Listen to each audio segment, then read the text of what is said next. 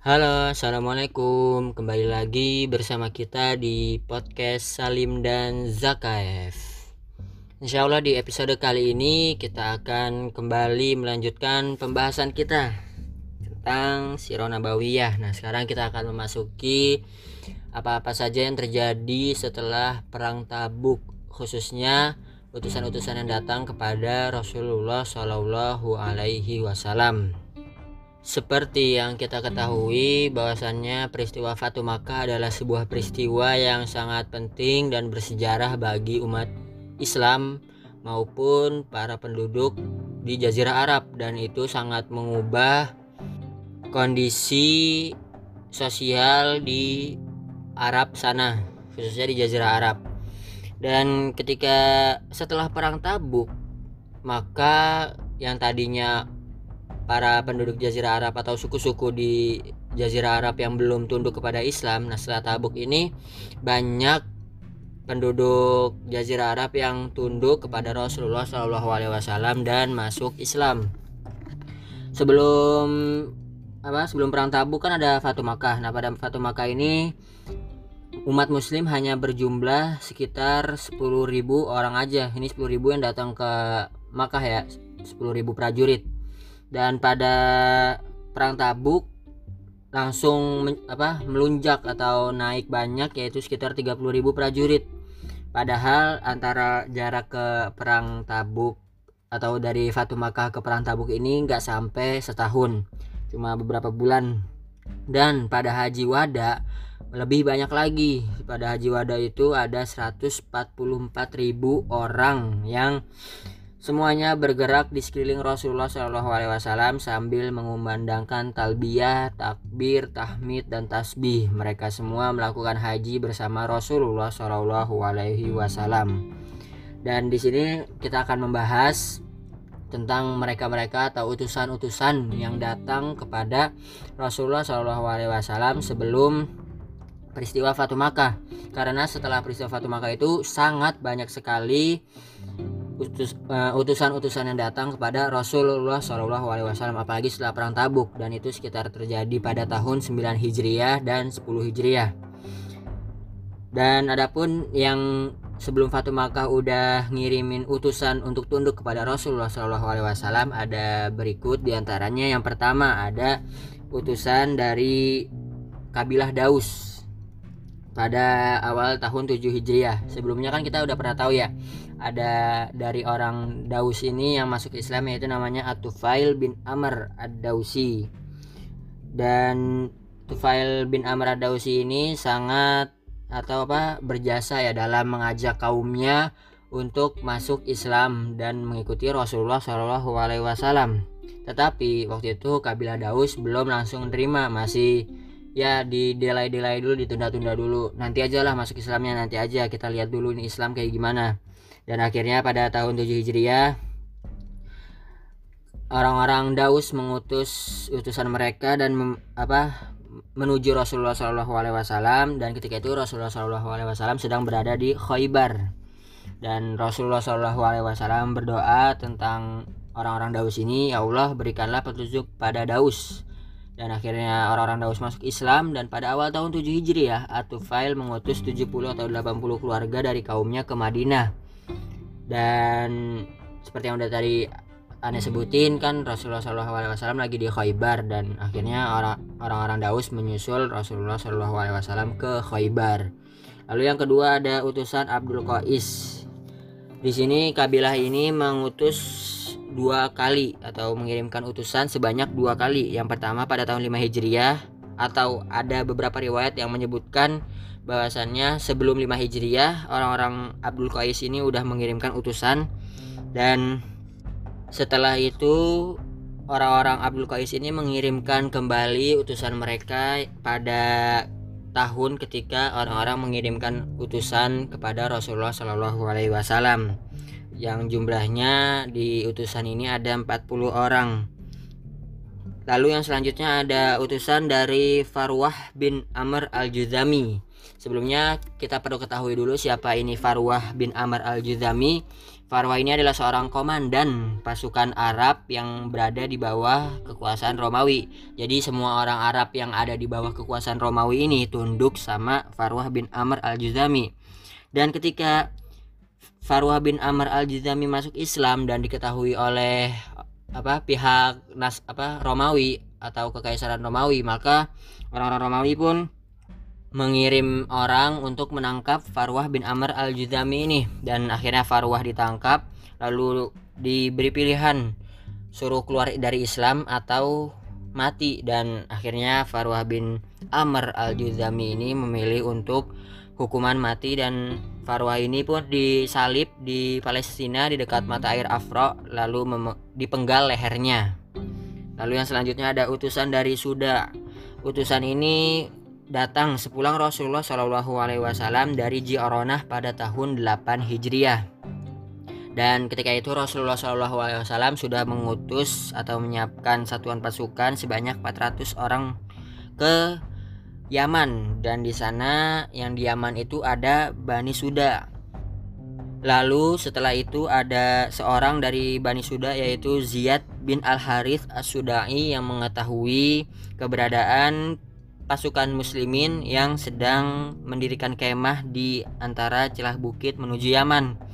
Ketika itu langsung buru-buru Ziyad bin Al Harith ini datang ke Rasulullah SAW dan berkata, "Aku adalah utusan yang mewakili orang-orang di belakangku. Tariklah kembali pasukan engkau dan aku bersama kaumku tunduk kepada engkau." Lalu akhirnya Rasulullah SAW menarik lagi pasukan yang telah diutus menuju Yaman dan Ziyad pun mendatangi kaumnya lalu menganjurkan mereka agar mau menemui Rasulullah Shallallahu Alaihi Wasallam. Lalu akhirnya ada 15 orang di antara mereka yang menemui Rasulullah dan menyatakan sumpah setia kepada Islam. Setelah itu mereka kembali lagi ke kaumnya mengajak mereka masuk Islam hingga Islam tersebar di tengah mereka. Dan Rasulullah Shallallahu Alaihi Wasallam pada Haji Wada membawa 100 orang di antara mereka. Nah, jadi gitu kisah empat utusan yang pertama lalu selanjutnya akan dilanjutkan oleh Lutfi silahkan pilih lanjut oke bu ini lanjutkan kemudian ada kedatangan Kaab bin Zuhair bin Abu Sulma nah Kaab bin Zuhair ini adalah salah seorang penyair Arab yang cukup terkenal sebelum masuk Islam dia pernah mencela Rasulullah Wasallam ketika beliau pulang dari perang Taif tahun 8 Hijriah. Kaab bin Zuhair dikirimi surat oleh saudaranya yaitu Bujair bin Zuhair. Dalam suratnya, Bujair mengatakan, Sesungguhnya Rasulullah Shallallahu Alaihi Wasallam telah membunuh orang-orang Makkah yang telah mengejek dan mencela beliau. Sedangkan penyair-penyair Quraisy lainnya melarikan diri. Apabila kamu masih sayang kepada dirimu, maka temuilah Rasulullah Shallallahu Alaihi Wasallam, karena beliau tidak akan membunuh orang yang datang bertaubat. Apabila tidak engkau lakukan, selamatkanlah dirimu sendiri. Kemudian, terjadilah surat menyurat antara dua orang bersaudara tersebut, yang pada akhirnya Kaab merasa galau sampai dia merasakan penderitaan batin. Bumi yang luas ini seolah-olah seperti sempit baginya. Karena merasa sayang pada dirinya, Kaab akhirnya datang ke Madinah dan singgah di rumah salah seorang dari kabilah Juhainah. Kaab ikut sholat subuh bersama orang tersebut. Seusai sholat, orang dari kabilah Juhaina itu menasihati Kaab. Maka Kaab bangkit dan menghampiri Rasulullah SAW yang sedang berada di Masjid Nabawi hingga duduk di hadapan beliau dan meletakkan tangannya pada tangan beliau. Sementara beliau sebelumnya tidak mengenal Kaab. Kaab berkata, "Wahai Rasulullah, sesungguhnya Kaab bin Zuhair datang sebagai orang yang bertaubat dan muslim untuk meminta jaminan perlindungan kepada engkau. Apakah Anda mau menerimanya jika aku datang bersamanya kepada engkau?" Beliau menjawab, "Ya, aku akan menerimanya." Kaab kemudian berkata, "Akulah Kaab bin Zuhair." Seketika itu, salah seorang sahabat Ansor yaitu sahabat dari penduduk asli Madinah menghampirinya dan meminta izin kepada Rasulullah Shallallahu Alaihi Wasallam untuk memenggal lehernya. Namun beliau tidak memberi izin dan berkata, biarkan saja dia, karena dia datang dalam keadaan bertaubat dan meninggalkan apa yang dahulu pernah dilakukan yaitu mencela Rasulullah Shallallahu Alaihi Wasallam. Kan sebelumnya Kaab ini suka mencela Rasulullah Shallallahu Alaihi Wasallam. Ketika itu Kaab melantunkan bait-bait syair yang berisi permohonan maaf dan pujian kepada Rasulullah Shallallahu Alaihi Wasallam. Setelah itu ia juga melantunkan syair yang berisi pujian kepada kaum muhajirin dari Quraisy. Karena kaum muhajirin pada saat Kaab datang, tidak ada seorang pun dari muhajirin yang berbicara mengenai Kaab kecuali yang baik-baik. Dalam sanjungan itu, dia juga menyindir orang-orang Quraisy karena ada salah seorang dari mereka yang meminta izin untuk memenggal lehernya. Setelah masuk Islam dan menjalani keislamannya secara baik, Kaab menyanjung orang-orang Ansor dalam sebuah syairnya dan menghapus dari benaknya apa yang pernah diperbuat oleh orang Ansor terhadap dirinya. Kemudian ada utusan dari Azroh. Utusan ini datang pada bulan Safar tahun 9 Hijriah. Mereka berjumlah 12 orang dan di antara mereka terdapat Hamzah bin Nu'man. Ketika ditanya, siapakah mereka itu? Juru bicara mereka menjawab, kami adalah Bani Azroh, saudara Kusoi dari pihak ibu. Berarti masih saudara sama Quraisy. Kamilah yang membantu Quraisy dan mengusir Bani Bakar dan Khuza'ah dari Mekah. Ini peristiwa pada saat sebelum Nabi Muhammad SAW lahir. Kami mempunyai hubungan kekerabatan dan tali persaudaraan dengan Quraisy. Nabi SAW menyambut mereka dengan penuh keramahan dan memberi kabar gembira kepada mereka tentang penaklukan Syam. Beliau melarang mereka bertanya kepada para dukun dan menyembelih kurban seperti yang biasa mereka lakukan sebelumnya.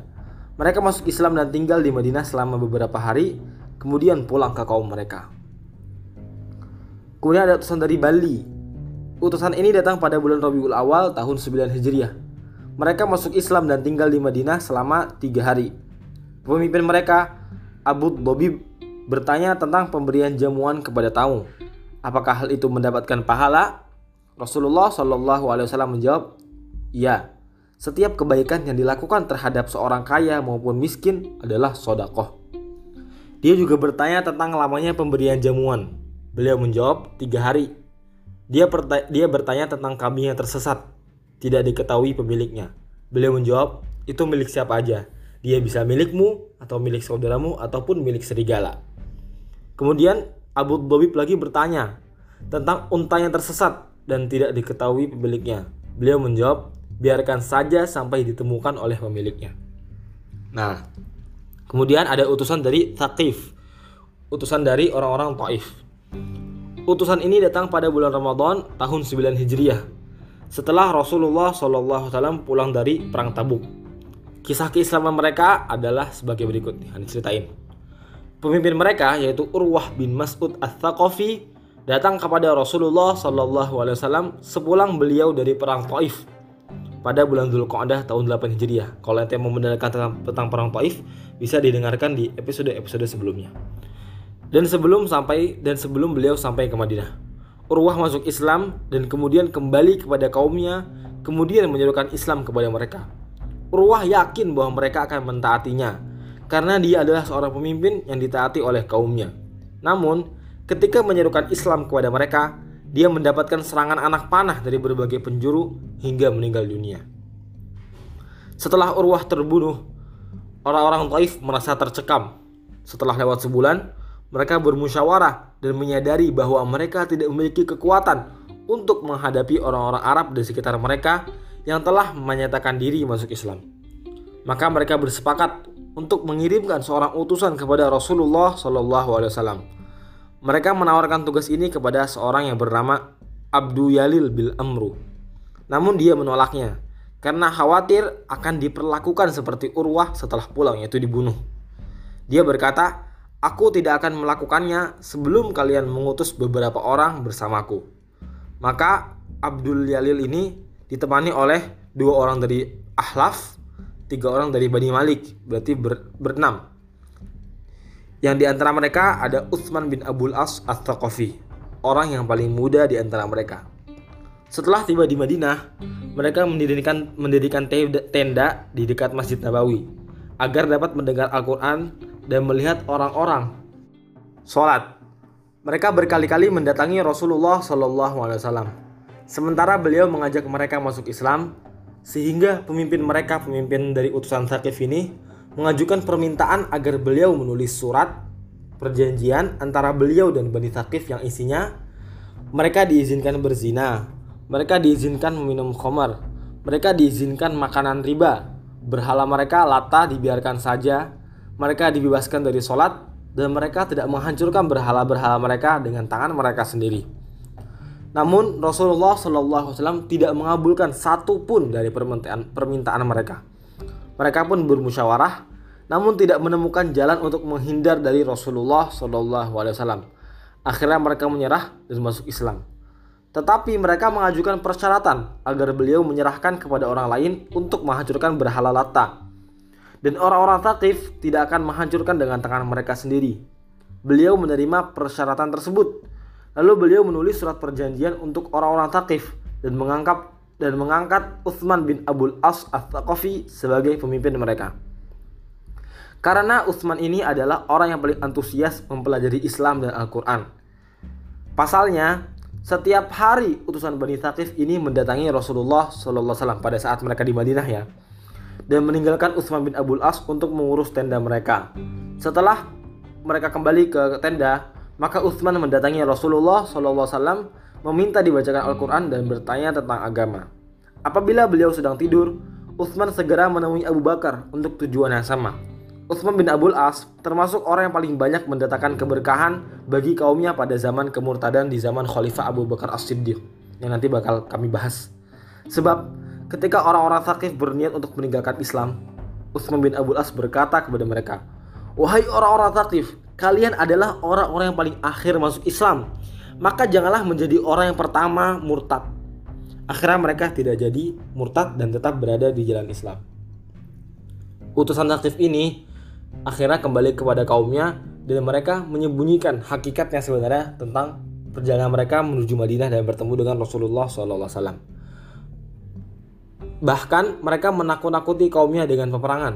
Mereka menampakkan kesedihan dan mengatakan bahwasanya Rasulullah SAW meminta mereka untuk masuk Islam, meninggalkan perzinahan, perzinahan, khomer, riba dan lain-lain.